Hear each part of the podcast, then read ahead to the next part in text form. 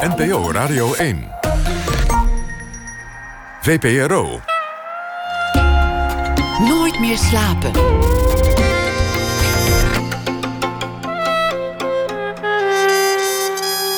Met Lotje IJzermans. Alle vrouwen maken wel eens mee dat ze worden nageroepen op straat... of dat ze opmerkingen krijgen over hun rijgedrag... of op een vergadering opeens degene zijn die de koffie regelen. Op het eerste gezicht allemaal niks om je heel erg druk over te maken... totdat je erop gaat letten hoeveel alledaags seksisme er eigenlijk in ons leven is. Naida Aurangzeb, mijn gast van vanavond, schreef het boek Heel Lekker Ding... 365 dagen vrouw. Op iedere bladzijde beschrijft zij heel sec één anekdote waarin seksisme een rol speelt.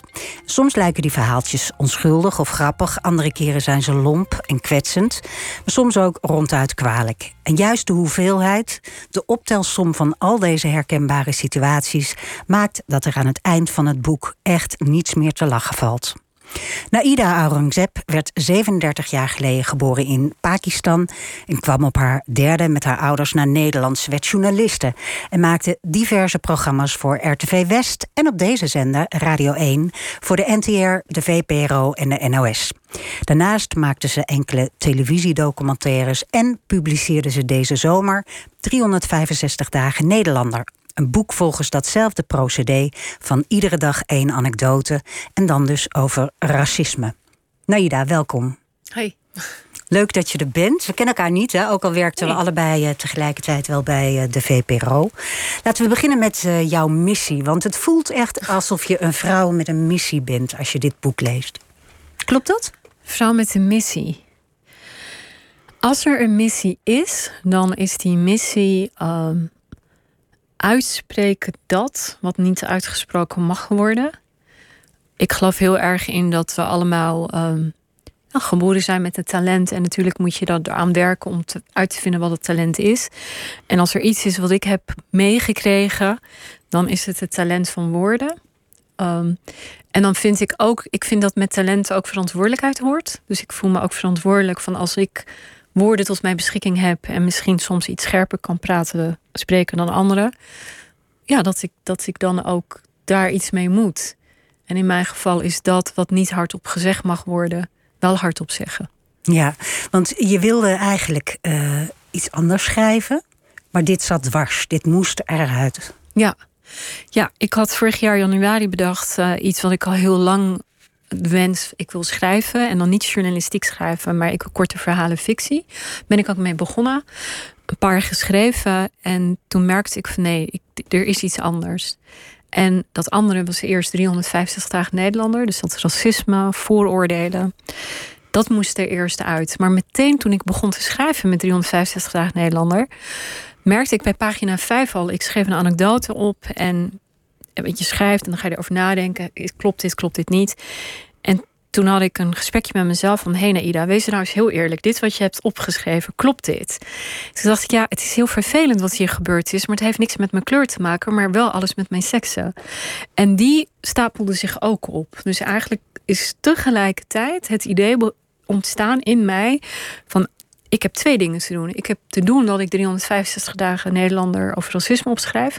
Maar dit hele seksisme verhaal, daar zit mijn leven ook helemaal vol mee. Dat moet ook op papier. Het waren twee uh, simultane schaakborden voor jou. Ja. En het was echt een, een innerlijke noodzaak om dat eruit te gooien. Ook omdat ze allebei, ik ben vrouw en ik ben vrouw van een kleur. Vrouw die komt uit een andere traditie, uit een andere religie.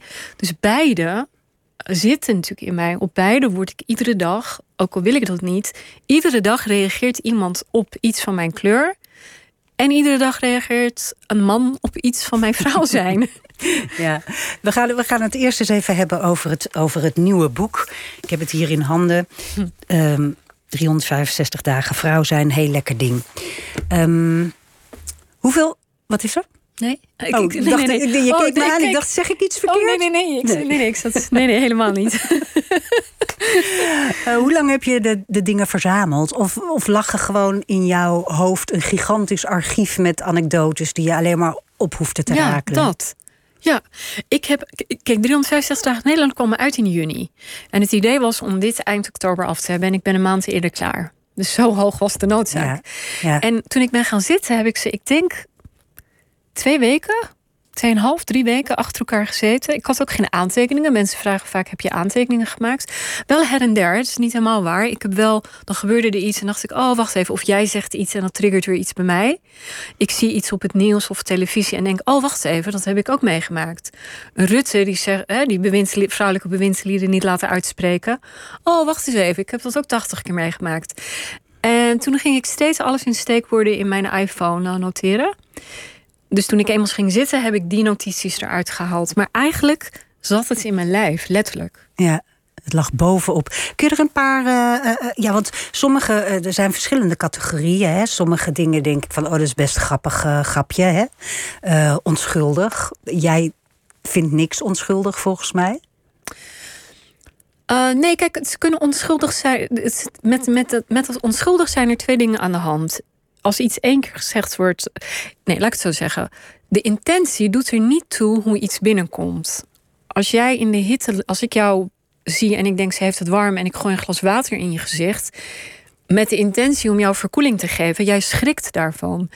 Dus die intentie doet, mij, doet er eigenlijk niet toe. Maar dan nog steeds kan iets grappig zijn. Dingen die ik heb ervaren als grappig, die staan er niet in. En ik hou erg veel van grapjes. dus alle mannen die hele grappige dingen tegen mij hebben gezegd... als je niet in het boek staat, dan vond ik ze ook echt grappig. Ja. Ehm, laten we er een paar even voorlezen. Misschien kun je mannen dingen voorlezen? Eh, ja? Bestuurder Johan, het valt me op dat jij je zo vaak druk maakt over de vrouwenzaak Naida. Bestuurder Frits. Ja, wat heb jij met die vrouwendingen? Waarom is dat? Ik, dat is omdat ik altijd 365 dagen per jaar een vrouw ben en dus het ook over mij gaat. Frits. En ik ben alle dagen van het jaar een man, maar ik maak me toch ook niet constant druk om mannendingen? Ja, daar moest ik wel erg om glim, glimlachen, want hij, is, hij is heel goed. Ongeloofwaardiger. Kun je die ook even voorlezen? Ja, ik sta in de rij achter twee heren aan de bar. Onbekende man 1. Dat deed Tinaïda wel goed hoor, dat gesprek leiden. Onbekende man 2. Inhoudelijk prima, maar die stem hè. Onbekende man 1.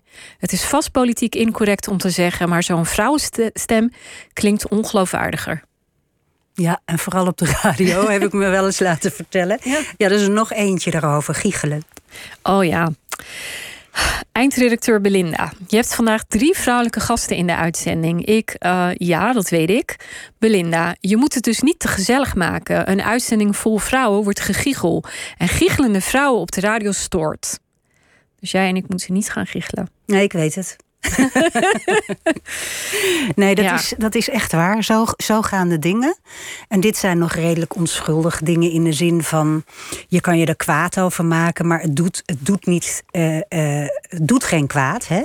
Nou, die laatste doet zeker kwaad. Vertel. Tuurlijk, die laatste, die ik bedoel ik. Nee, kijk, die laatste.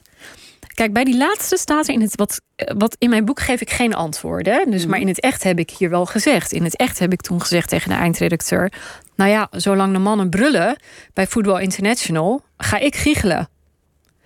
Mannen die brullen vinden we prima, vinden we leuk. Stoere gasten die brullen. Maar dat gegiechel, dus ik heb een uitzending met drie vrouwen. En dit ging om een Radio 1-uitzending, een Radio 1-programma. Drie vrouwen die daar niet uitgenodigd zijn omdat ze goed kunnen giechelen, maar omdat het gewoon professionals Experts zijn, experts zijn. En dan wordt er tegen mij vlak voor de uitzending gezegd dat ik op moet letten dat ik drie vrouwen heb en niet mag giechelen. Dus er zit echt iets. Ik voel weer de woede in mezelf. Om, wat zeg je dan? En dan wel een grote mond hebben over, nou, de Taliban vinden dit en dit en dit. Je zegt dus tegen mij dat vier vrouwen op de radio, daar, die mogen dus iets niet van jou. Ja, ik, ik, de onschuld hiervan ontgaat me totaal. Dit, dit, en ik vind het ontzettend zielig ook dat een eindredacteur dus zelf gevangen zit met ideeën. En in dit geval was het ook een vrouw. En ik zag haar, want ze kwam helemaal gespannen aan. Dus zij heeft die geïnternaliseerde stem dat zij als vrouwelijke eindredacteur natuurlijk straks een uitzending maakt met een vrouwelijke presentator, drie vrouwelijke gasten. En sorry dat ik het zeg, maar die wijven gaan lachen op de radio. Dat moeten we niet hebben, wijven die lachen. Wat zou het toch zijn? Want ik, ik, ik herken En wel ik gebruik dat... nooit het woord wijven, maar ik zeg het nu omdat ik denk, ja, maar dat is dus wat je eigenlijk zegt. Je zet ons dus weg omdat wij vrouwen zijn. Niemand heeft ooit, geen enkele eindredacteur heeft tegen een presentator gezegd. eh, niemand zegt tegen Jeroen Pauw: vanavond heb je vier mannen aan de tafel. Jullie moeten niet gaan brullen. Erger je wel eens aan mannen die heel hard lachen? Ik wel namelijk. Heel Ja, veel mannen die lachen ja. zo hard eh, op de radio. Oh ja, en niet alleen op de radio. Ik, kwam- ik was net in de balie en er zat een jongen achter mij die ook zo hard sprak en die ruimte. Dat ik dacht, ach man, doe normaal. Nee, precies. En als ze geen mooi hoofd hebben, wordt het nog erger. Ja, dus ehm, eh, het, het is niet snel een geintje of onschuldig. Ehm, het wordt ook snel gezien als gezeur. Hè? Net als die man die zei: Ik heb 365 dagen mannen dingen, daar heb ik het toch ook niet over. En en een ander ding, wat ook in je boek heel erg voorkomt, is als je fel bent in je beroep. Ja. Hè, dus jij eh, leidt een gesprek op de radio of in een debat of wat dan ook.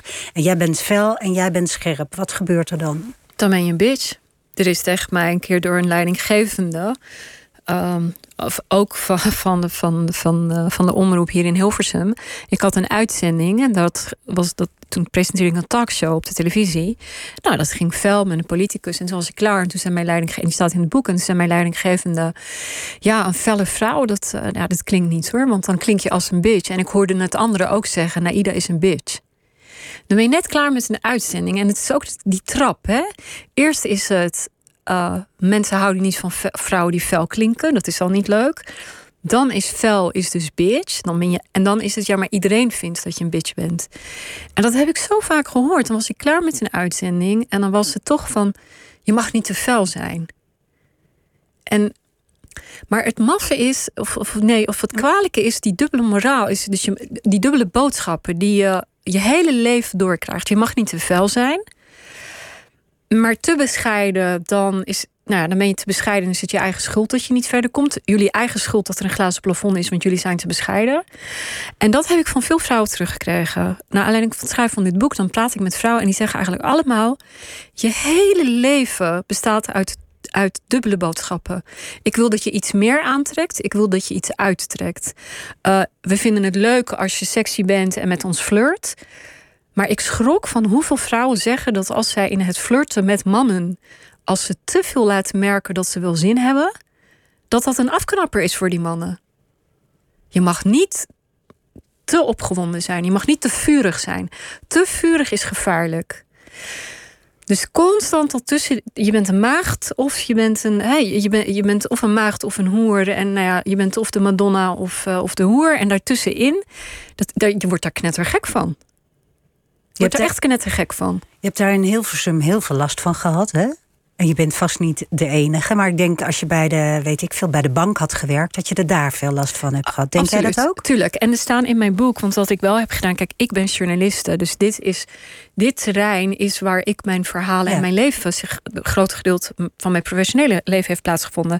Maar ik haal in mijn boek ook vriendinnen aan die wel, wel bij banken werken, bij allerlei andere plekken werken, ziekenhuizen. Ik heb bijvoorbeeld nu, dit, deze moet ik echt omdat ik nog steeds verbaasd ben. Vorige week trouwde mijn broertje en op zijn bruiloft, nou er waren allemaal leuke jonge mensen en die dan beginnen over mijn eerste boek en ik vertelde over mijn tweede boek dat nog uit moest komen.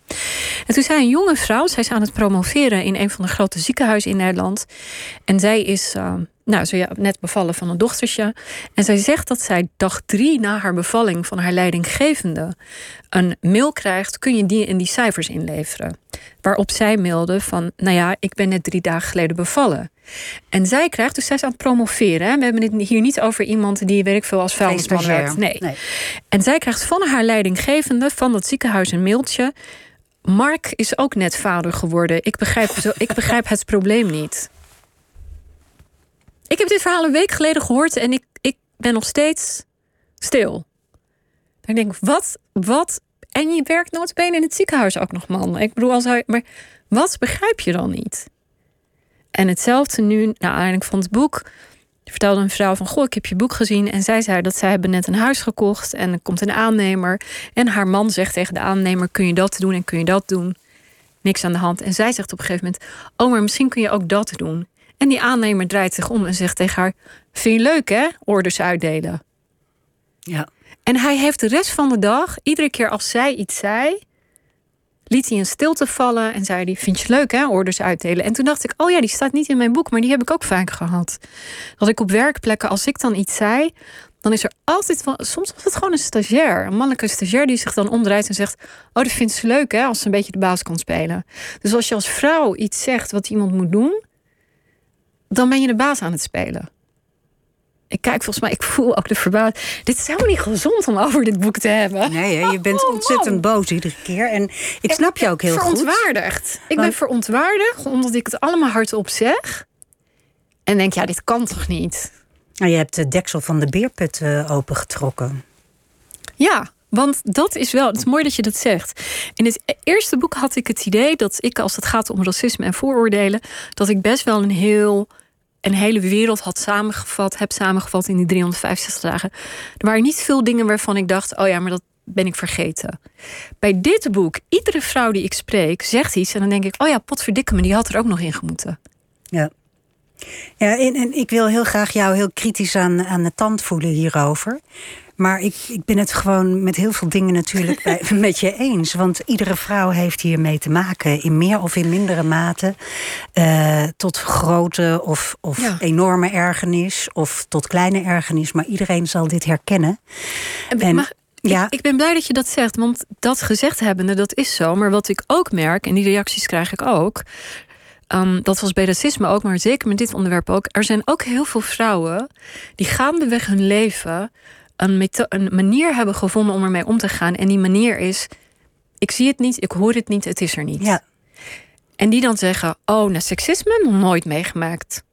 Nou ja, ik, ik, ik, eh, ik denk dat, dat geen één vrouw dat nog nooit heeft mee- meegemaakt. Maar ik denk dat veel mensen ter zelfbescherming het een beetje van zich af laten glijden. Ja. Maar dat doe jij niet. in de praktijk van alle dag van het leven heb ik dat natuurlijk vaak genoeg ook gedaan. Uh, f- iedere dag. Weet je, ik was nu net bij een film, voor, eh, bij een film en première van een documentaire. En daar, zit, daar staat, eh, zat maar één vrouw in. En iets van zes mannen. En ik zie dat. En dan denk ik, ja, hoe kan je nou een documentaire maken en maar één vrouw aan het woord laten? Ja. En toch heb ik niet, dat heb ik wel gefluisterd. Maar toen zag ik de, de, de, maker. maker, Ja. Wat oudere man, aardige man. En toen dacht ik, ja, Naida, leave it. Wat voor, weet je wel? En dat is eigenlijk ook wel heel suf, dat ik dan niet tegen hem zeg van ja, leuk die film, maar dit kan gewoon niet. Echt Ja. niemand, niemand in die film was. Er was één vrouw van een organisatie, maar heel kort, één shot. En de rest was. Allemaal mannen, joh. Ja. Er zitten ook hele, hele kwalijke voorbeelden bij. Bijvoorbeeld een, eh, een buurman die zegt: eh, Kom, we gaan een ijsje halen. En dat jij zegt: Leuk, mag ik ook een ijsje? En hij zegt: Ja, maar dan moet je wel even hier voelen bij mij. Dat is gewoon afschuwelijk. Ja. Dat, dat is gewoon. eh, Het was acht of negen met mijn, en mijn buurmeisje ook. Zoiets, ja. wat, ge- wat gebeurde er met jou op dat moment? Ja, kijk, je, ik, het, ik zie in mezelf weer daar staan met haar. Uh, we hebben het niet gedaan. We hebben hem niet aangeraakt. We hadden allebei zoiets van... "Eh," en we zijn half lachend Ja. weggelopen. Je bent te jong om te beseffen Hoe erg het is. wat er werkelijk gebeurt. En later pas dan komen die beelden. En dan denk je, oh, fluk, dat was het. En later pas, veel later pas herinnerde ik me ook... oh ja, hij had zijn broek... al- Hij had, hij had het al uit zijn broek hangen ook nog. Ja, dat is Ja. echt afschuwelijk. En, en wat, wat ook grappig is in je boek, is dat je je realiseert dat we allemaal zo'n eh, geïnternaliseerde stem hebben. Die ook eh, ehm, ons ingegeven is door eh, vaders en ooms en ehm, bazen en collega's. En moeders ook. En, en ook weer onze zussen en onze moeders en onze Ja. vriendinnen. En ehm jij geeft een mooi voorbeeld dat je met je nichtje een boek gaat kopen. Ja. Zal ik even... Volgens mij zag ik hem... Hè? Ja. erbij staat, ja? Ja. Eh, ik. Wil je een jongensboek of meisjesboek? Alina, 9. Ik wil een gewone boek. Ja, zo lief van je, van je nichtje. Ja, I love her. Zij, zij heeft het. Ik heb er nog één van haar. Mag ik die? Die Ja. staat ook in het boek. En daarvan schrok ik heel erg. Er was iets. Dus en die staat er dan ook in. Ik heb op een gegeven moment een boek voor haar gekocht. Of dat heeft ze eigenlijk gekregen van een vriendin van mij. Dat boek is um, Stoere Rebelse Meisjes. Fantastisch boek over als rolmodellen. Nou, mijn broer, dus de vader van, van haar, van Alina, die vond dat het nergens voor nodig was dat zijn dochter een rebel wordt. Dus wij kregen een discussie dat hij vond dat ik dat boek niet had mogen kopen. Want ik was niet de opvoeder. Nou goed, gedoe. Niet zo heel leuk, maar dat is ook. Dat boek heeft trouwens ook een vriendin van mij die in Israël woont, heeft het boek daar gekocht, de Engelse versie voor haar nichtje. En daar vond de Joodse opa dat het ook geen goed idee. Geen goed idee. Dus wij hadden alle twee dezelfde ervaring, ik hier en zij in Israël. En ik vond dat ik Alina mijn nichtje toen we daarna gingen wandelen. En dat was best heftig, dat gesprek met haar vader iets moest zeggen. Dus ik zei, ik zei, lieve schat, het kan zijn dat je niet helemaal snapt wat ik nu zeg. Maar misschien komt er een dag dat je ineens weer aan dit gesprek denkt.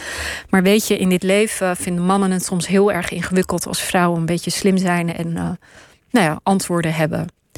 En ik dacht, zij denkt, rare tante. En zij kijkt mij aan, en dit is nog maar een half jaar geleden of zo. Zij kijkt mij aan en ze zegt, echt werkelijk waar, in Rotterdam, ze zegt, oh, maar tante Naida, dat weet ik al lang. Dus ik zei, hoe bedoel je, dat weet je al lang? Zij zei, nou, ik ben de beste met lezen in de klas. Ik mag gewoon twee groepen hoger lezen qua niveau. En toen heeft de juf bedacht dat ik andere kinderen kan helpen met lezen. Dus ik ging een van de jongens helpen. En toen zijn andere jongens met z'n vieren om me heen komen staan. En toen hebben ze gezegd: dat kan helemaal niet dat een meisje beter kan lezen dan jongens. Jij kan helemaal niet beter lezen dan ons. Negen op de lagere school, gewoon in Nederland. Nou, ik was natuurlijk super trots en ben super trots dat zij dus dat ziet. Maar je denkt ook: hoe kan dit? Ja, uh, opvoeding denk ik toch. En, en alles. Want uh, ook de uh, hele jonge kinderen die, die eh, neutraal worden opgevoed.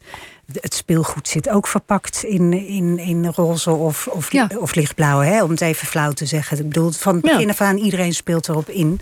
Um, Jij zegt in, in je boek, zag je geloof ik ook ergens, dat het, gaat, het is niet tegen mannen dit, maar het is tegen macht. Ja. Kun je dat uitleggen? Ja, kijk, ik, het, is, het is niet. Ik zag gisteren al iemand ergens twitteren van jeetje, ik schrik van de mannenhaat die naar iedereen heeft. Dacht ik, nou, ik vind mannen best leuk. Ik heb absoluut geen mannenhaat. Uh, kijk, mannen, en daar kunnen mannen zelf ook niks aan doen, zou je kunnen zeggen. Maar het systeem zit zo vanuit het patriarchaat, maar ook daar vanuit religie, maar ook daar waar geen religie is in de instituten. Mannen zijn degene die macht hebben. Ik bedoel, gisteravond dacht ik weer van. Eigenlijk staan we er nooit bij stil, maar toch is het toch van de zotte dat wij in Nederland nog nooit een vrouwelijke premier hebben gehad. Dat is toch raar? Ja, zeker. Hoe raar. Like, het is toch eigenlijk misdadig? Wat zeg je dan? Wat zeg je? En kijk naar de hele wereld. Nou, nou ben ik geboren in Pakistan en dan kan je zeggen, nou ja, Pakistan had tenminste een vrouwelijke premier. Um, en de buurlanden eromheen ook wel. Maar dat, is dus al, dat zegt dus alles. Als je kijkt naar de Tweede Kamer, als je kijkt naar de plekken van macht, als je kijkt naar de rechters. Maar ook als je kijkt wie de verhalen vertellen. Als je, weet je, we weten zelfs in de recente geschiedenis, zelfs vrouwen die in Engeland schreven. Uh, de boeken werden gepubliceerd op namen van hun man. Ja, maar ook hier in Nederland is vaak genoeg in de literaire wereld discussie. Uh, ja. Dat mannen zeggen dat vrouwen toch echt minder goed kunnen schrijven. En dat ze daarom ja. minder prijzen krijgen. Ja. Precies. En we kunnen natuurlijk geen leiding geven, want ja, we worden natuurlijk iedere maand ongesteld. Dus dat kan niet als je premier bent. Hè? Je kunt geen voorganger in een moskee worden, want ja, je wordt ongesteld iedere maand. Weet je, dus het gaat om macht. Het gaat om macht. En wat het wel is met macht, en dat is ook zo, niemand geeft vrijwillig macht op. Dus ik snap wel dat mannen denken van ja, sorry, maar ze kunnen beter tegen jou en mij zeggen dat wij te overdrijven. Zoals die mannen ook. Van wij zijn toch ook niet bezig met mannen. Dat zullen nu ook een hoop eh, luisteraars denken, denk je niet? Dat Twee giechelende vrouwen die het hebben over, mannen en macht. Mannen en macht. Ja. Nou, veel luisteraars zullen denken van wat overdreven. Denk je niet? Ja, wat overdreven. Uh, ja, ja, als het niet over jezelf gaat, is het overdreven, ja. Maar dan zou ik zeggen, als, als, als jij als dit allemaal tegen jou wordt gezegd. En kijk ook naar de feiten, want het zijn twee dingen. Je kunt zeggen, alles wat ik opschrijf zijn anekdotes. He, dan kan je zeggen overdrijven. Ik hoorde ergens ook, ze dikt het vast aan. ze verzint het vast. Kan allemaal. Maar kijk, maar dan zijn er nog feiten aan de andere kant. Dan zijn er feiten als hoe lang, sinds hoe lang kunnen we überhaupt stemmen? Hoe lang hebben we nadat we konden stemmen alleen maar kunnen stemmen op mannen, omdat er geen vrouwen in de politiek waren? Hoe kan het dat we nog steeds nog nooit een vrouwelijke premier hebben gehad, maar wel een grote mond hebben over andere, over andere landen ver weg, waarvan we vinden dat, die, dat, die, dat de vrouwenrechten daar niet kloppen? Maar what about onze vrouwenrechten hier? Dus er zijn zoveel. We weten, nou, er was gisteren weer in het nieuws. We weten dat vrouwen minder, minder, minder voor hetzelfde werk minder salaris krijgen. Ja. We weten dat als het gaat om geweld, um, dat de meeste slachtoffers van huiselijk geweld zijn vrouwen, geen mannen. In de leeftijd van, wat is het, 18 tot en met 26, is al één op de vijf vrouwen maakt geweld mee. Um, femicide. Iedere acht dagen sterft er in Nederland een vrouw uit handen van haar partner, ex-partner. Dat zijn feiten. Dat is niet dat ik het wil overdrijven. Dat is niet dat, dat ik het verzin of dat, jij, of dat ik moeilijk doe. Ik heb ook zin in andere leuke dingen dan dit. Um, dat mijn nichtje van negen op het schoolplein wordt geconfronteerd door jongens die vinden dat meisjes niet zo slim kunnen zijn als jongens. En het gaat diep. Ik was vorige week in een winkel in Den Haag, in Amsterdam. En de, de dame die daar werkt is een vriendinnetje van mij. En die zei: Goh, ik moet iets uitrekenen in, dia in diameters. Heet dat zo? Oh. Nou weet ik niet, een eh, diameter is de, ja, precies, de snede, cirkel doorsnijden. Precies, dus ik zei tegen haar, schat, geen, geen idee. Precies op dat moment komt er een komen er een man en een vrouw binnen in haar winkel. En ik kijk naar die man en zeg, meneer, weet u hoe dat zit met diameters? Werkelijk waar. En zijn vrouw kijkt mij aan en zegt, uh, ik ben hier degene die alles weet van wiskunde en niet hij. Heerlijk. Ik voelde me zo betrapt. En toen dacht ik, ja, eerlijk is eerlijk. Ik ging er ook echt oprecht van uit dat hij dat beter zou snappen dan haar. Nou, zo daar gaat het dus Zo werkt het Zo dus. werkt het. Ja. Ik zeg het eventjes voor uh, de mensen die later inschakelen. Ik uh, praat met Naida Aurangzeb. Uh, zij heeft een boek geschreven. Een um, boek over de anekdote, anekdotes van wat er dagelijks in een vrouwenleven gebeurt. Um, als het gaat over opmerkingen die, die gemaakt worden. Jouw eigen leven. Jij bent, jij bent in, op je derde ben je met je familie naar Nederland gekomen, hè? Vanuit Pakistan. Waarom kwamen jullie? Waarom kwam je vader? Mijn, je vader ging hier werken? Ja, die werkte hier al. Dus wij, ik kwam later. Ja, als oh, hij werkte hier, hij werkte hier al. Wat deed hij? Gezinsvereniging. Hij is in het begin, toen hij kwam, heeft hij heel kort in de haven gewerkt als schilder. Maar hij is vrij snel met een vriend. Zijn zij begonnen met het exporteren heet dat, of importeren heet het dan, importeren ja. van stoffen uit het Verre Oosten. Wat ze hier uh, verkochten. Dus hij is vrij snel, eerst samen met die vriend en daarna zelf begonnen met uh, uh, eerst op praderieën staan, later als handelaar. Winkels. En, en, was, was het een traditioneel gezin? jullie kwamen uit Pakistan. Werden de, de Pakistaanse tradities voortgezet? Um, ik denk, dan ligt er aan van welke, ja, wat is voor een Pakistan. Wij waren denk ik vooral de moslimtradities. Het kwam uit een gezin waar bijvoorbeeld, om maar een voorbeeld te geven. Ik heb tot vrij laat nooit geweten wat de Pakistaanse onafhankelijkheidsdag was. Wij hadden geen Pakistaanse vlag in huis. We gingen niet naar de feestjes van de ambassade. Wij keken niet naar Bollywood. Dat vond mijn vader nergens voor nodig. Dus in die zin was het eigenlijk niet zo heel Pakistaans, maar wel heel erg um, in het, ja, wel moslim. En mijn vader zat bij een internationale beweging van moslims. Um, dus bij ons kwamen moslims uit Ghana, uh, uit uh, Indonesië, overal van de wereld vandaan. Dus ik denk dat het veel meer was in de islamitische tradities. Dan, dan, dan echt Pakistaans. Ja, want als ik andere families zie die dan echt uh, nou ja, alle liedjes kenden en alle je, feesten, dat had ik, had ik niet. Je vader vond wel dat het een goed idee was om veel te lezen, toch? Ja. Je vader was wat dat betreft wel um, modern. Is lezen modern? Mm, nou, um, kijk, ik, ik kom uit. Nou, goede vraag. Daar heb je gelijk in. Dat ja. is gelul. Kijk, Pakistan ja. is wat er was. Ik kom uit en dat besef ik nu steeds meer en meer. Dat eigenlijk ik met mijn hele verhalen vertellen, mijn liefde voor verhalen, precies doe wat in mijn DNA zit. Pakistan, India, Iran, Afghanistan. Het zijn, het waren. Dat geloven mensen tegenwoordig natuurlijk helemaal niet meer. Maar dat, dat zijn de. de ja, de, de plekken van de, van de, van de mystici, de plekken van de gedichten. Dus in Pakistan bijvoorbeeld, in mijn familie, ook al kunnen vrouwen niet lezen en schrijven, het hele rappen bijvoorbeeld, hip-hop, komt daar, dat is daar heel gewoon. Dus als ik naar een bruiloft ging, dan kom je naar binnen en dan kijken ze mij aan. En dan begint er eentje op een beat zo van: Daar heb je Naida, ze komt uit Nederland, wat heeft ze toch raar haar. En dan zegt die andere tante, die zegt dan tegen haar weer: van, Heb je het haar van je eigen nichtje gezien? Weet je En ze verzinnen het ter plekke. Dus, dus het verhalen vertellen. En mijn moeder, die luisterde altijd waar ze wel naar luisterde, kawalis. En kawalis zijn, is muziek. Maar het zijn eigenlijk hele verhalen op muziek. Dus de verhalen van Mozes en geruzie met zijn broers en eh, alle oude verhalen uit het Oude Testament, met name uit het Oude Testament, die kreeg ik binnen via gedichten en muziek. Dus die verhalen, dat, het vertellen van verhalen en het, het, de eh, schoonheid van verhalen, dat, ja, dat resoneerde ook heel erg bij jou. Hè? Dus ja. was het voor jou logisch om uh, de journalistiek in te gaan? Je hebt uh, communicatie gestudeerd. Maar het was echt een missie om journalist te worden. Nee, Nee? Nee, nee, nee, helemaal niet. Nee, die, de journalistiek heeft mij gekozen. Ik, ik werkte in het theater.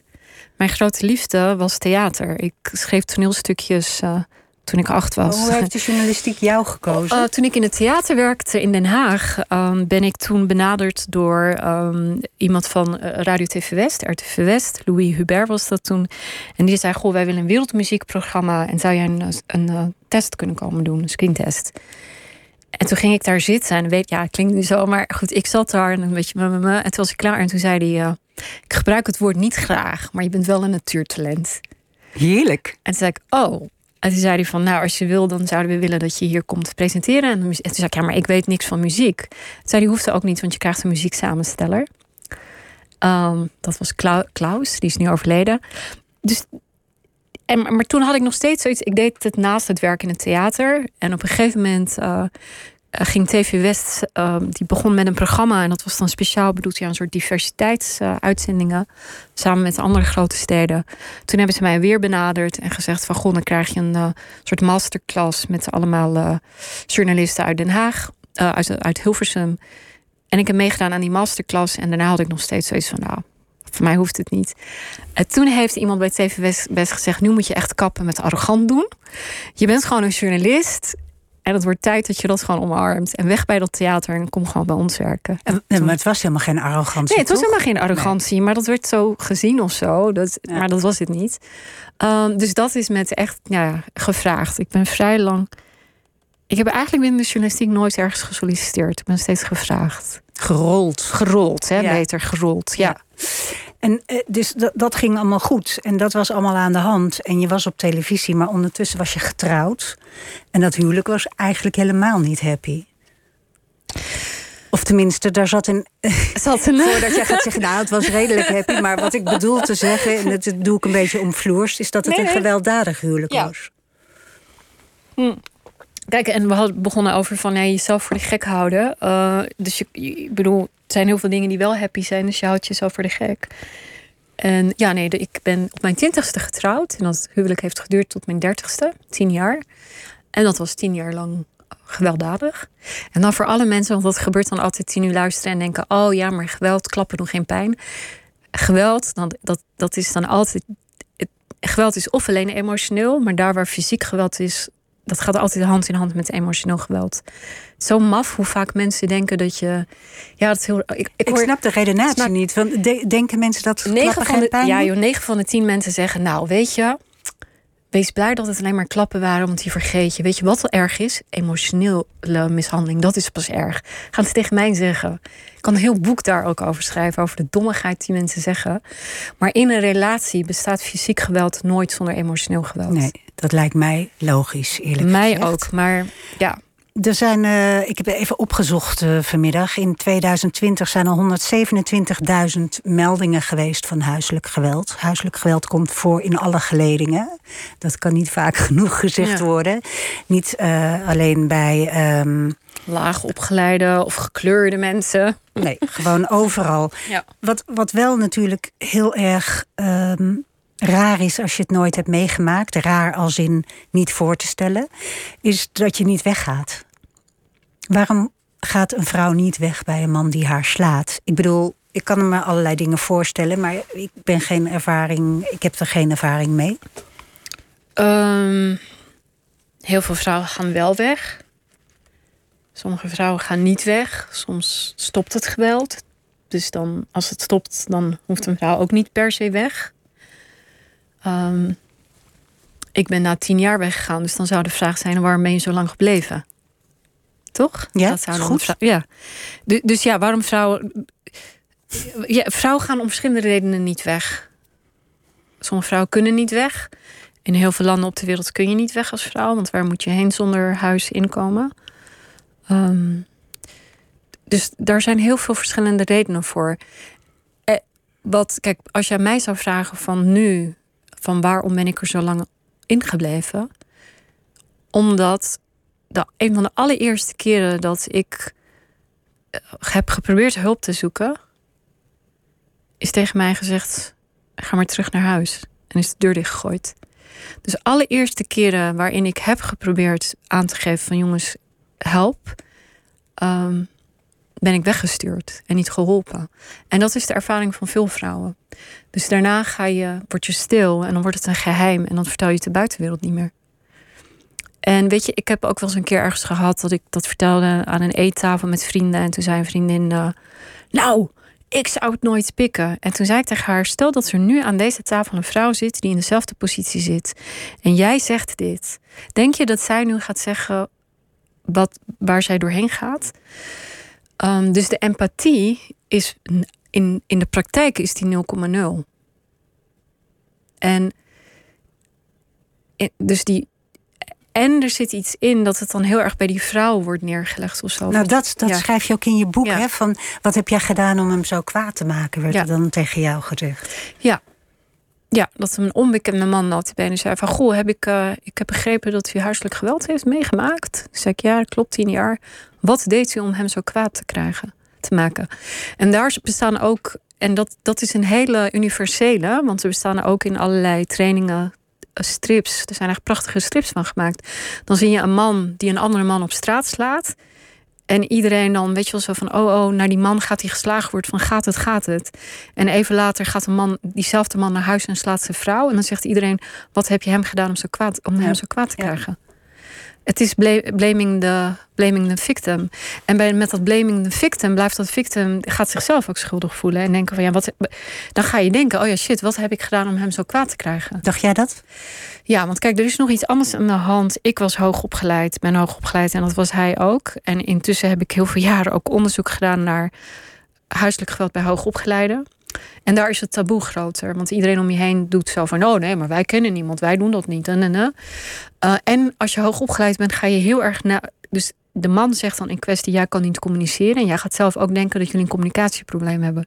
Dus je gaat heel erg in je hoofd zitten van... er gaat hier iets fout in de communicatie. Dus de schuld bij jezelf leggen. Maar, Maar ook, dat is manipulatie. dat is manipulatie. Maar voordat je dat doorhebt... en denken, in mijn geval... intelligentie kan dus ook een vloek zijn. Namelijk denken, ik kan dit wel oplossen. En niet voelen, maar eigenlijk ga ik langzaam kapot. Dus ik heb heel lang gedacht, ik kan dit met mijn intelligentie, kan ik dit oplossen. Totdat ik tien jaar verder was en eh Waar zag je dan een, een, een oplossing in ander gedrag? ander gedrag. eh, steeds dit wel, dit niet. Oké, als het zo niet gaat, dat. Misschien moet ik dat doen en dat. Totdat ik tien jaar verder was en dan kijk je terug. Keek ik, en ineens zag ik, oh ja, de, eer, de eerste de klappen die aan het begin van het huwelijk vielen, die vielen omdat hij vond dat ik, te, dat ik, ik wou dan bijvoorbeeld dat hij s'avonds niet meer naar een vergadering ging. En dan zei hij, maar jij wil gewoon dat ik thuis zit. En mijn vrienden lachen me uit. Die vinden dat ik gewoon, eh, eh, weet je wel, jij altijd maar wil dat ik thuis ben. En je hebt geen eigen leven. Dus er werd mij verweten dat ik geen leven had. Ik was twintig, ging trouwen en woonde in een stad die ik niet kende. Zie ik ga mezelf weer Precies, je gaat al ja, verdedigen. verdedigen. Tien jaar later was het, je bent een slechte vrouw, want je bent alleen maar bezig met je carrière en je bent nooit thuis. En toen ineens zag ik iets, dacht ik, maar wacht eens even, ik heb diezelfde klappen gekregen omdat je vond dat ik geen leven had. En nu word ik geslagen omdat je vindt dat ik te veel een leven heb. Ja, dan ben je wel tien jaar verder. Was dat ook eh, toen je dat soort ehm, patronen in zijn redenering eh, zag? Is dat waarom je het uiteindelijk eh, verbroken hebt? Ehm, nee, niet eens eigenlijk. Ik, ik, ik, Wat maakt dan dat je na tien jaar wel weggaat? Het waren twee dingen. Ik, ik, wist dat er, ik wou, ik voelde intuïtief, er moet afstand komen. Ik kan niet meer nadenken en er wordt en die afstand kwam er doordat ik nou ja, een soort van mazzel had en kon gaan werken in de VS.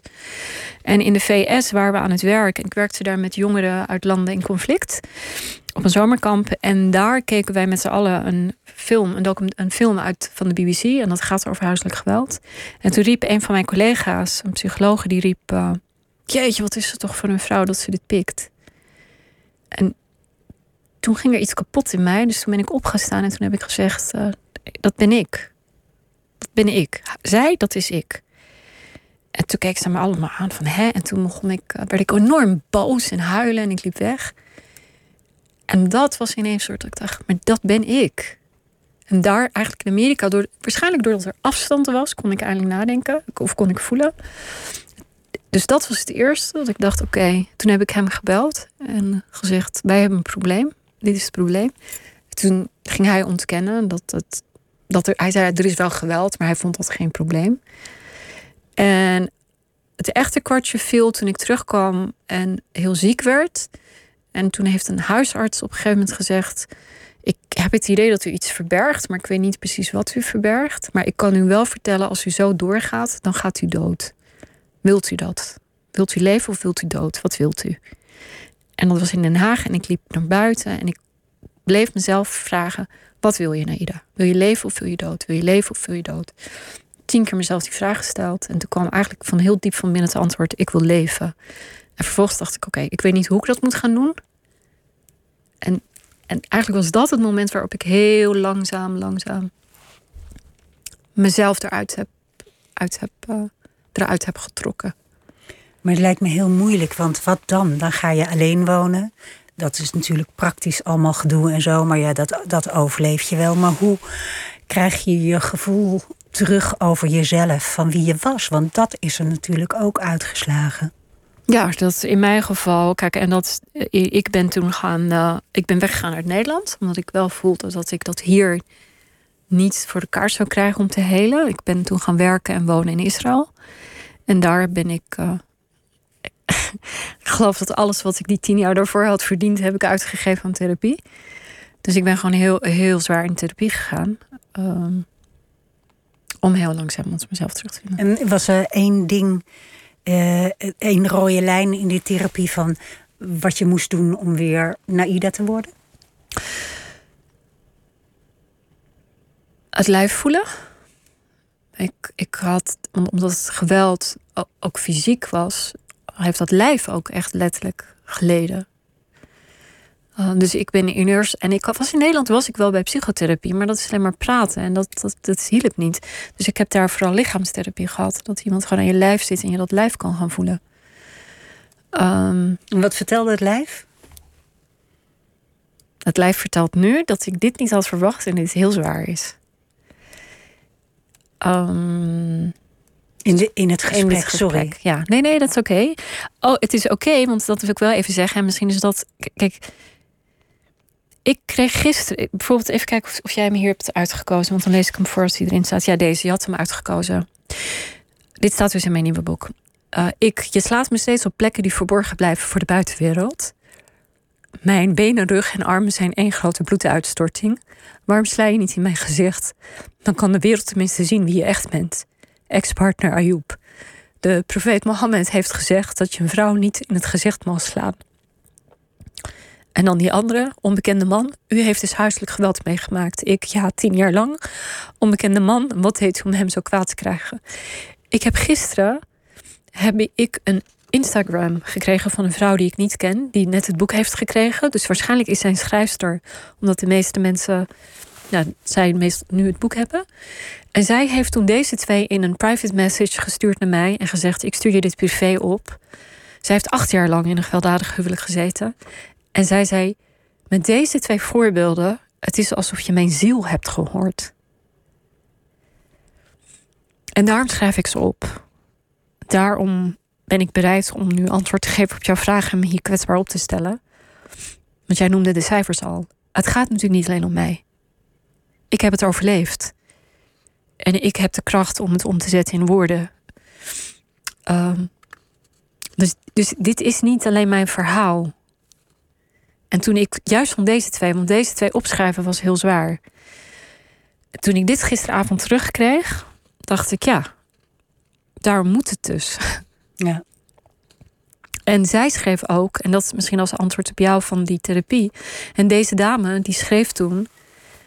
Uh, dus ik schreef terug van, nou ja, weet je, van hè, het spijt me, want ik, ik vind het ook niet leuk als ik die reacties terugkrijg. Want het liefst had ik gewild dat alle vrouwen zeggen: wat een onzin. uh, nooit meegemaakt. Nooit meegemaakt. Ja. Dus ik vind het ook pijnlijk als mensen mij schrijven: wij hebben het ook meegemaakt. En toen schreef zij van. Dus ik schreef zoiets van: maar hè, nu gaat het goed. En toen schreef zij van. Nee, het, je bent er de rest van je leven ben je aan het helen. En toen zij dat schreef, dacht ik, ja, ze heeft gelijk. De rest van je leven. Het zijn krassen op je ziel. Ja. Krassen op je ziel die. Uh, ja, het, het is nooit weg. Je bent. Ik, ik heb heel lang gedacht, nu minder hoor. Ik heb heel lang het gevoel gehad dat ik geamputeerd ben. Dat ik dacht, ik had nog veel hoger kunnen vliegen, maar ik ben geamputeerd. Die amputatie voelt nu minder. Ik heb nu minder het gevoel dat ik geamputeerd ben, maar. Dat is een vreselijk gevoel als iemand anders je dat heeft aangedaan. Ja, en in de meeste gevallen uh, is het een ander die je dat aandoet. In de meeste gevallen is het.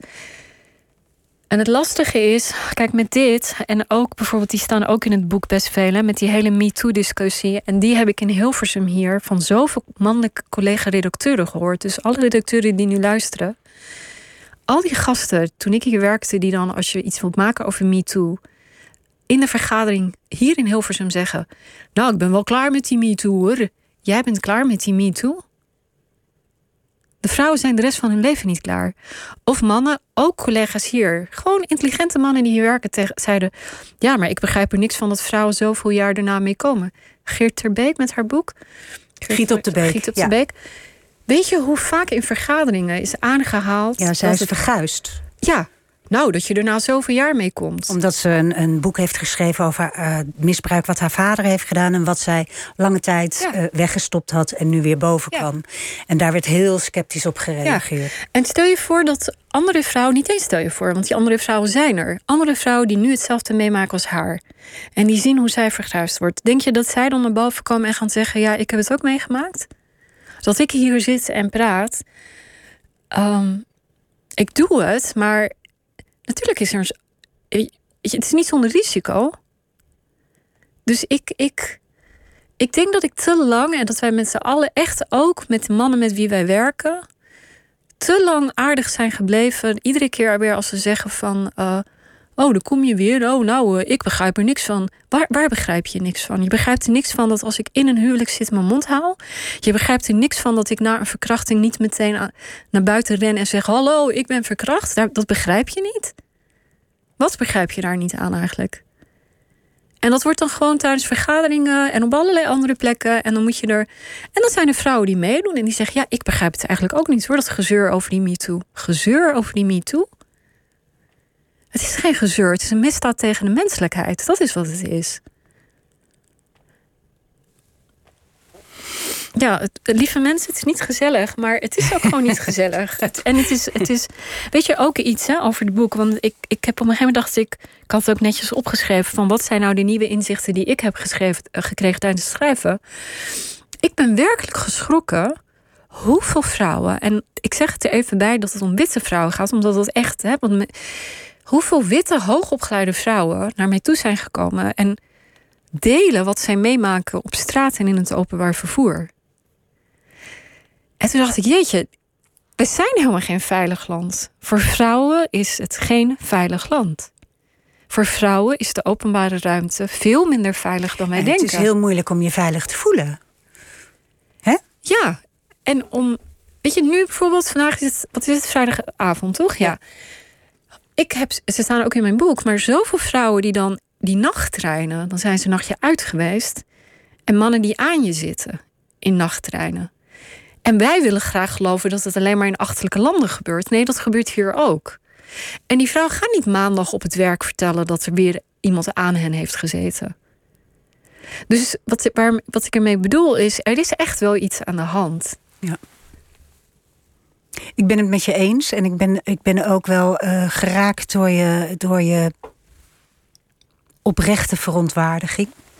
En het vermogen om het je wel aan te trekken en het niet van je af te laten glijden. Ik vind het bijzonder. Ja, ik weet niet of het. Ja, ja ik vind het, ik vind het uh, knap, want ik heb niet het idee um, dat het makkelijk is wat je doet. Ook, ook je boek over racisme. Want daar zou ik het ook nog heel graag even over willen hebben. 365 dagen Nederlander. Over alledaags uh, racisme. Uh, iedere, iedere anekdote die je daarin uh, beschrijft is één heel klein druppeltje gif. Maar alles bij elkaar is een gigantische gifbeker die je, die je leeg moet drinken. De, de, dingen waar jij veel op aangesproken bent, is je cultuur. Hè? Je religie, uh, je afkomst. Uh, al dat soort dingen, dat, dat heeft hij eigenlijk gestigmatiseerd. Um, en in, in het werk schrijf je uh, als journalist. Je bent uh, uh, gewoon jarenlang journalist geweest. Maar als jij in een talkshow te gast was, dan was je altijd ervaringsdeskundige en nooit de autoriteit. Hoe werkt ja. dat? Hoe dat werkt? Ja, nee, niet, niet hoe, hoe, hoe, je hoeft het niet te vertellen vanuit de redactie, maar meer hoe vanuit. Dat voor mij? Ja. Um, dat heeft lang geduurd voordat ik het vol kan zeggen, maar dat doet gewoon pijn het doet pijn dat ik. Het, wat echt pijnlijk was, is vorig jaar tijdens de COVID. Toen um, was ik volgens mij net begonnen met het boek schrijven, of nog niet, nog niet eens, denk ik. Toen was er iets gebeurd. Er was uh, bij Phoenix een um, presentator met een islamitische achtergrond. was een programma in de Ramadan. En hij werd toen bedreigd omdat hij in de Ramadan een muziekprogramma had. En ik vond dat ik daar als iemand die vakgenoot is, presentator, journalist en met een islamitische achtergrond, vond ik dat ik het voor hem moest opnemen. Omdat ik het niet voor hem opneem, maar opneem voor iets waar ik in geloof. Namelijk uh, die vrijheid. Dus toen heb ik met uh, collega's NOS even gebeld en gezegd: jongens, nou, die hadden ook zoiets van ja, nee, fijn. Dus, er kwam, dus ik heb bij de NOS heb ik daar iets over gezegd. En daarbij wel gezegd van. Uh, dat ik moslim ben, dat mag erin in de voice-over. Want ik spreek me uit als journalist met een islamitische achtergrond. Dat, daarom doe ik dit. En s'avonds, tot mijn, toen ik ging kijken, stond er onder mijn naam of, of in die voice-over. werd er gezegd: Naida Aurangzeb, presentator, maakt moslimprogramma's. maakt moslimprogramma's. En het is niet dat ik geen moslimprogramma's wil maken, maar het gaat om de feiten. Het is niet een gevoel. Dus de volgende dag, en dat stond ook op de website, en er is een beeld gebruikt dat ooit gemaakt is door een stagiair bij de NTR, dat ik ergens hier in een gebouw in een, in een kelder zit. Terwijl er genoeg materiaal is van mij dat ik gewoon in een Radio 1 kamer zit. En dat is niet een ego-ding voor mensen die nu denken van, oh nee, het gaat om de beeldvorming. Wat zet je neer, maar ook hoe kijk je naar mij? Dus toen heb ik daarna, toen was ik toevallig bij de NMS en toen heb ik gezegd, ben ik daar naartoe gelopen en toen was het van, uh, ja, maar uh, ik had een haakje nodig. Zag ik, maar het haakje heb ik je gegeven. Naida Aurangzeb. Haakje moet je misschien even uitleggen voor mensen die ja, niet het programma dus van, wij maken moeten, Ja, wij moeten jou kunnen duiden. Wij moeten kunnen vertellen wie jij bent. Toen zei ik, ja, dat had ik al gezegd. Naida Aurangzeb, journalist, presentator met een islamitische achtergrond. Ik had het uitgetikt voor je. En toen zei ik, ik presenteer, werkte in dezelfde programma's als Lara Rensen. Ik heb hetzelfde programma gepresenteerd als Chris Keijnen. Hetzelfde programma als, uh, als, uh, als uh, Petra, Petra Grijs. Hè? Ja. Om maar drie presentatoren te noemen. Ik zeg, zeg je bij hen ook, maakt Petra ook programma's voor moslims?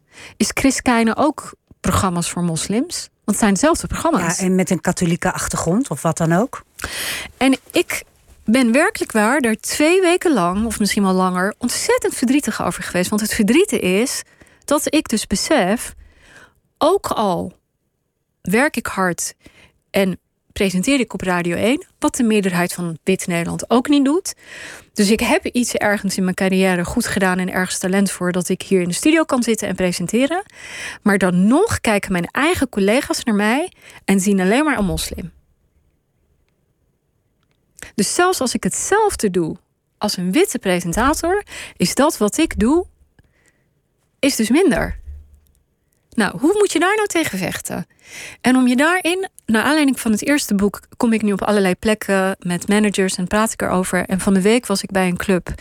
En daarna zei die vrouw, de opdrachtgever, die zei toen tegen mij: Ik moet je iets zeggen. En ik vind het heel moeilijk om te zeggen. Maar ze zei: Weet je, Naida, ik besef ineens dat als jij hier had gezeten met een hoofdtekom, had ik niets van wat je zegt geaccepteerd. Was heel eerlijk dat ze dat zei. Maar ook pijnlijk, want daardoor dacht ik. Dus als hier een vrouw met een hoofddoek zit, die denkt dat ze, dat ze gewoon haar werk doet, maar jij hebt bedacht dat je haar autoriteiten niet accepteert. Daar kan je toch niet tegen vechten? Ik kan dus niet, ik kan dus hier rondlopen, het beste programma presenteren. Maar als men naar mij kijkt en alleen maar denkt: domme moslim daar, daar kan, daar kan ik niet tegen opvechten. En dat, dat besef, dat is echt gewoon. Of dat ik bij, bij toen was het bij Pauw, bij Jeroen zit in het programma in de talkshow. Dat ging over Pakistan. Als journalist de hele dag heb gebeld, mijn hele research heb gedaan. De uitzending heb gedaan, de dag erna terugkijk en onder mijn naam ziet staan Pakistaanse. Van alle dingen die ik ben in mijn leven is Pakistaans toch het minst wat ik op mijzelf. Weet je, en, toen, en op dat moment dat dat gebeurde bij Pauw, toen presenteerde ik en een talkshow, en een Radio 5-programma en een Radio 1-programma. Maar dan nog steeds ben ik een Pakistaanse en niks meer dan dat. Ik heb geen beroep, ik heb geen autoriteit. Ik. That's wat ik ben. Nou, shoot me. Je hebt Jeetje, je... wat een ongezellig. je hebt, je hebt Hilversum achter je gelaten, hè? Uh, nee, nee, ik heb niets achter me gelaten. Ik, nee, nee. Als, als, heel, als er nu een heel leuk programma komt waarin ik gewoon volledig kan zijn wie ik ben met alles, dan zeg ik meteen ja. Nee, ik ben nu. Kijk, wat ik nu hoop is dat het. Ik heb deze twee boeken geschreven, dat moest. En dit is natuurlijk nog steeds keihard. Eigenlijk ook nou ja, journalistiek misschien of op een literaire ja, manier. Ja. Uh, ik hoop dat ik, ik hoop dat er nu in mijzelf ruimte is ontstaan, nu dit eruit is, uh, om fictie te kunnen gaan schrijven, de verhalen die ik echt wil schrijven. En wat ik hoop, dus als er nu iemand is die een hele toffe regisseur is en denkt: dit wil ik, ik zou heel graag met deze beide boeken het theater in willen. Nou, dat moet kunnen, lijkt me. Ja, toch? Dat lijkt me ontzettend leuk. Het lijkt me echt superleuk om te zeggen ik ga nu uh, een theatervoorstelling maken en toeren. Daar ben ik helemaal voor. Ja. Ik ben ervoor dat alle leuke regisseurs jou uh, opbellen en, en, dit gaan ondersteunen en vormgeven. Ik dank je ontzettend voor je komst en voor je uh, ja, oprechte verontwaardiging en uh, je vertrouwen. Dankjewel. Naida Aurangzeb en haar boeken liggen in de betere winkel. Um, maandag gaat Pieter in gesprek met Aaf Brand Korstius over Welkom bij Mijn Zielige Jeugd, haar nieuwe voorstelling. Straks op deze zender podcastgids gids Vink met Vincent Bijlo, Marloes Brandt en Stan Putman.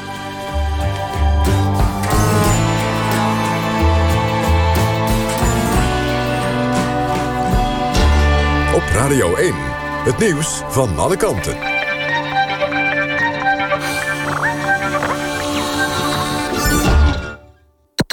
NPO Radio 1.